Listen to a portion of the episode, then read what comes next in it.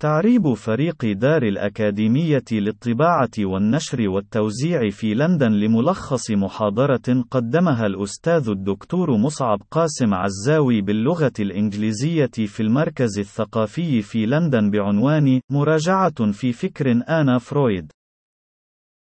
إن السلوك الدفاعي هو أصل الكثير من المتاعب التي نواجهها مع أنفسنا والآخرين. إنه يقودنا إلى توجيه اللوم بشكل غير دقيق، ولسماع انتقادات معقولة كما لو أنها هجمات قاسية، واللجوء إلى التهكم والسخرية كبديل عن الصراحة والتباسط. أفضل دليل على أصول السلوك الدفاعي كانت المحللة النفسية، وابنة سيغموند، آنا فرويد. كانت آنا أصغر أطفال الأسرة الستة. ولدت في فيينا في عام 1895 عندما بدأت نظريات والدها المتطرفة حول الجنس والعقل في جعله مشهورا في جميع أوروبا نهاية القرن التاسع عشر.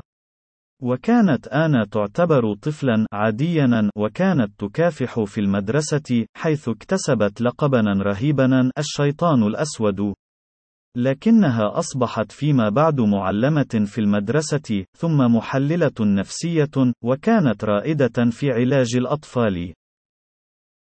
في عام 1934 نشرت كتابها الأنا وآليات الدفاع، وهو الكتاب الذي وضح لأول مرة الفكرة الأساسية القائلة بأننا نحاول جريزيا أن نحمي الأنا صورتنا المقبولة عما نكون بمجموعة متنوعة من الدفاعات. وآلية الدفاع النفسي هي وسيلة استجابة تهدف إلى تجنبنا الألم، والمشكلة هي أنه أثناء فعل الدفاع عن أنفسنا على المدى القريب، فإننا نضر بفرصنا على المدى الطويل في التعامل مع الواقع، وبالتالي في التطور والنضج نتيجة لذلك. سلطت آنا فرويد الضوء على عشرة أنواع رئيسية من آليات الدفاع. واحد الإنكار في غالب الأحوال لا يعترف الإنسان بأن هناك مشكلة في نمط سلوكه اليومي، وهو يستدعي طروحات مثل: أستمتع بشرب الكحول كثيرا وأحيانا أتعامل مع آثار الكحول السيئة. لكنني لا أشرب الخمر أكثر من اللازم. أو: أنفق الكثير من المال. ولكن ليس أكثر من الآخرين. لن أقول إنني شخص غير مسؤول ماليًا. إذا حاول أشخاص آخرون، الأقارب والأصدقاء وشركاء الحياة، إقناعه بالاعتراف بوجود مشكلة يعاني، وغالبًا ما يميل إلى الرد بشكل سيء للغاية. إن آلية الدفاع الفوري، الغريزة قصيرة المدى للشعور بالرضا تجاه نفس المرء، هي رفض الاعتراف بأن هناك مشكلة، لأن الاعتراف بها يعني أنه سيتعين علينا القيام بكل أنواع الأشياء الصعبة والحرجة حيال ذلك. لكن الإنكار يعيق المواجهة مع المشاكل التي لا بد من مواجهتها على المدى الطويل. إن الإنكار ليس كذبة. وآلية الدفاع هذه تشبه الستار الدخاني الذي يجعل من الصعب علينا أن نرى ما يحدث في حياتنا. اثنان. الإسقاط يتضمن ذلك الاعتراف بالشعور السلبي، ولكن بدلاً من رؤية أنه أحد المشاعر المظلمة الخاصة بالمرء، يتم منح الشعور أو إسقاطه على إلى شخص آخر. قد يبدو هذا أمرا غريبا ومعقدا، لكنه يحدث كثيرا. يمكنك أن تحصل على رسالة تفيد بأن مدير العمل يريد أن يراك شخصيا حول أمر جاد. قد تكون غريزتك الأولى هي تخيل أنهم سيقومون بطردك من العمل، وتتخيل كيف أنهم اكتشفوا بعض الحقائق الرهيبة عنك. ويكون لديك صورة في رأسك لهذا الشخص على إنه بارد، وقوي، وغاضب جدا. عندما تصل إلى الاجتماع، تسمع فقط بعض الإرشادات المفيدة حول عقد جديد مهم سيكون في الأيام القادمة. لذا، فإن كل المشاعر، الإرهاب والبرودة والغضب الانتقامي، تأتي منك فعلياً. إنك تقوم بإسقاطهم على زميلك الأقدم. لقد أعطيت المشاعر السلبية، التي لا تريد أن تتعرف عليها في نفسك، لشخص آخر. أو تشعر أن شريكك في الحياة سيكون بالغ النقد لك إذا لم تجني أموالا أكثر من العام الماضي. أنت قلق كثيرا بشأن هذا، تتخيل التصريحات المؤلمة التي سيقوم بها والنظرات الناقدة. لكن في الواقع ليس لديه هذه المشاعر. قد يكون متفهما ومتعاطفا في الحقيقة. الأفكار القاسية المريرة ليست في شريكك في الحياة. إنها في عقلك. وبالتالي، بدلاً من الشعور بالإحباط الشديد مع نفسك، شعور غير مريح للغاية. يمكنك أن تحس بالظلم، شعور أسهل قليلاً. بعد كل شيء، يكون لديك، على الأقل، في رأسك، صورة هذا الشريك الملح الذي لا يرضى أبداً. بدلاً من مواجهة السؤال المؤلم والصعب عن سبب عدم قدرتك على تحقيق المزيد، أو لماذا لا يلائمك أن تفعل ما تفعله، فإنك تخلق انحرافًا في التصور عنوانه: شريكك في الحياة المزعج. 3. التحول ضد الذات إننا نلتجئ إلى آليات الدفاع لحماية أنفسنا من المعاناة النفسية. لذلك يبدو من المفارقة أن نقول كما أصرت أن فرويد أن إيذاء النفس من شاكلة الغضب من النفس أو كره الذات يمكن أن يكون دفاعنا. إنها مسألة متعلقة بأكثر ما نخاف منه.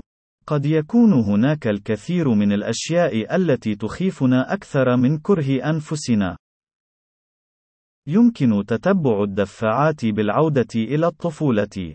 الطفل المهجور، أو المتضرر من جانب أحد الوالدين، قد يسعى إلى اللجوء إلى فيكرة تكون أقل فظاعة من واقعه البائس، يجب أن أكون سيئا ولا قيمة لي. أنا شخص فظيع، وهذا هو السبب في أن والدي يتصرف بهذه الطريقة معي. لذلك، في الواقع، تنمو فيكرة التحول ضد الذات، والتي مفادها لا يزال لدي والدين جيدين. إنه تصور مؤلم، ولكنه قد يكون أقل كارثية من الحقيقة المرة، فالمرء في الواقع في يد شخص لا يهتم. 4. التسامي أو التصعيد يتضمن ذلك إعادة توجيه الأفكار أو العواطف غير المقبولة إلى قنوات أعلى وأكثر قدرة على البناء والعطاء على نحو مثالي. حول العديد من الموسيقيين تجارب الحياة السلبية، إدمان المخدرات، والأمراض الاجتماعية، ومشاكل الأسرة، وما إلى ذلك، إلى عروض وأغان شعبية وتردد صداها، وعملت على تنشيط وإلهام الكثير من الناس.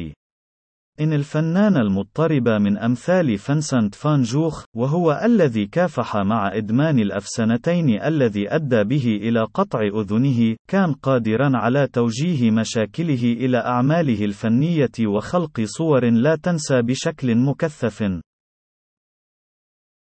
إن الدافع العدواني لإخبار الجميع بما يجب القيام به دون ضبط النفس قد يتم تصعيده تساميا إلى تصميم فني لجعل عمل الشخص دقيقا ومثيرا للإعجاب يوجه المتلقين بشكل غير مباشر.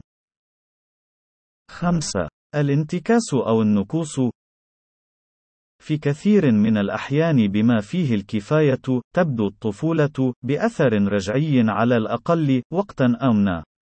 كطفل كان المرء محميا من المسؤولية.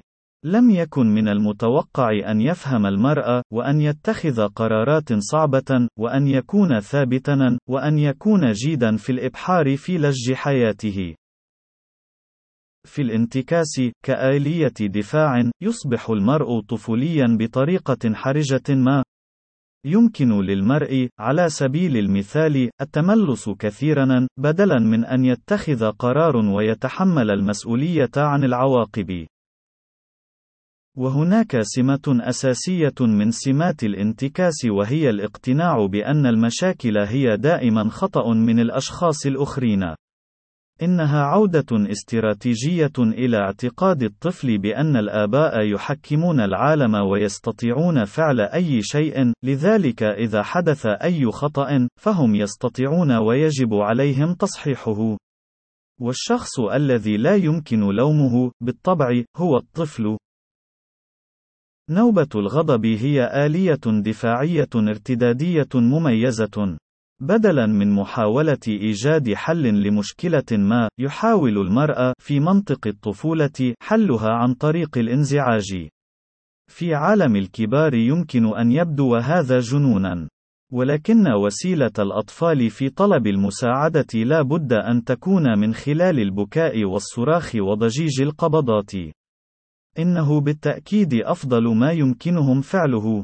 لذلك فنوبة الغضب تعني، في الواقع، لا أستطيع أن أكون مسؤولا عن هذا الموقف، يجب أن تساعدني لأنني طفل فحسب. 6. التبرير يعد التبرير ذريعة ذكية لمفاعيل أعمالنا، أو ما يحدث لنا، لكنها مصممة بعناية للحصول على الاستنتاج الذي نشعر أننا بحاجة إليه، بأننا أبرياء ولطيفون وجديرون. هناك نوع واحد رئيسي من التبرير ينطوي على التقليل من الأشياء التي لا يملكها المرء، ولكن يرغب بها سرًا. بعد أن يتم رفض المرء من الوظيفة، سيقول منطق الدفاع: كانت شركة مملة، أو لم أكن أريد الوظيفة على أي حال. وقد يكون في الحقيقة لديه رغبة كبيرة في الوظيفة. ولكن يمكن أن يكون الأمر مؤلما ومهينا للغاية أن يعترف بهذا. لذلك، يتم الحفاظ على إحساس أكثر قبولاً بالنفس من خلال إنشاء الخيال المعقول والسريع والمنطقي في ظاهره، لم تكن في الواقع وظيفة جيدة للغاية، والآن توصلت إلى التفكير فيها بشكل أكثر جدية. لكنه ليس تقييم مزايا الوظيفة الذي أفضى إلى ذاك الاستنتاج، بدلاً من ذلك، إنها الحاجة النفسية الملحة لحماية احترام الإنسان لذاته. 7. الاستذهان إن الاستذهان نهج مشابه للتبرير. إنه ينطوي على تجاهل شيء مؤلم ومهم للغاية من خلال بدء محادثة معقولة للغاية داخل رأس الفرد حول شيء مختلف تمامًا.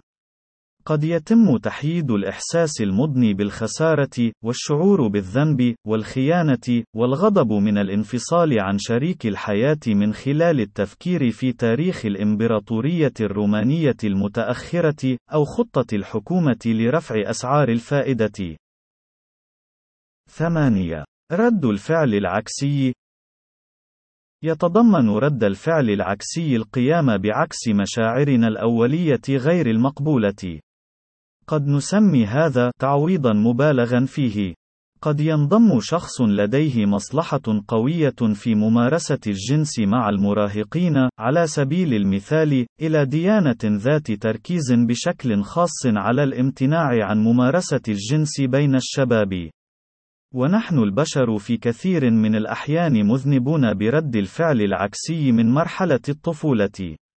عندما نشعر بالحرج حيال الانجذاب إلى زميل في الصف، فقد نكون عدوانيين تجاههم، بدلاً من الاعتراف بانجذابنا لهم. 9. الإزاحة أو الإسقاط الإزاحة هي عبارة عن إعادة توجيه الرغبة، عادة العدوانية، إلى مستقبل بديل. وهي عموما تنتج من شعور الفرد بالتهديد والضيق من مثير أو شخص أو حالة ما، فبدلا من مواجهة ذاك المثير يتم الرد عليه من خلال توجيه مشاعر الفرد السلبية تجاه شخص، شيء ما آخر من الأسهل إلقاء اللوم عليه. لذا فإن الحالة الكلاسيكية هي شخص قد يشعر بالتهديد من قبل رئيسه ويعود إلى المنزل ويصرخ على شريكه في الحياة. 10. الخيال إن الخيال هو آلية هروب أخرى.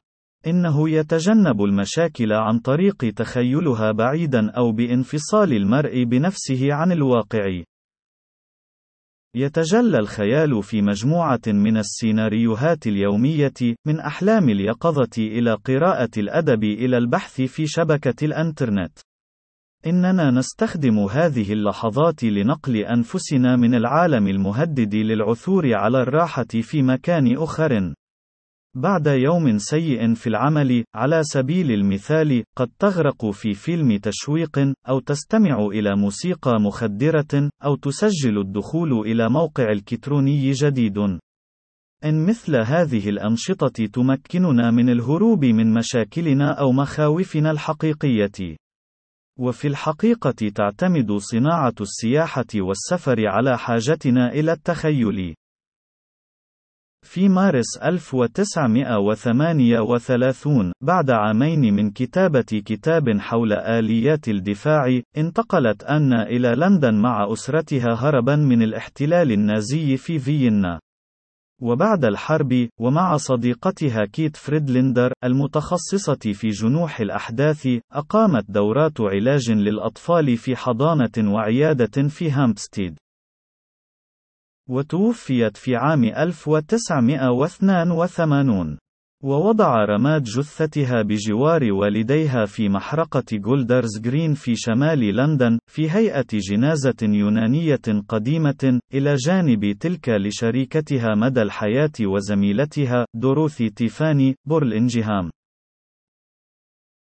الخلاصة بدأت أن فرويد نهجها من منطق آليات الدفاع التي تحدد كثيرا من ملامح سلوك بني البشر، والتي نلتجئ إليها لأننا نشعر بالتهديد بشدة. إنها طرقنا الغريزية في درء الخطر والحد من الألم النفسي. وتستمر أنا فرويد في تذكيرنا بأن الدفاعات النفسية ليست طوعية.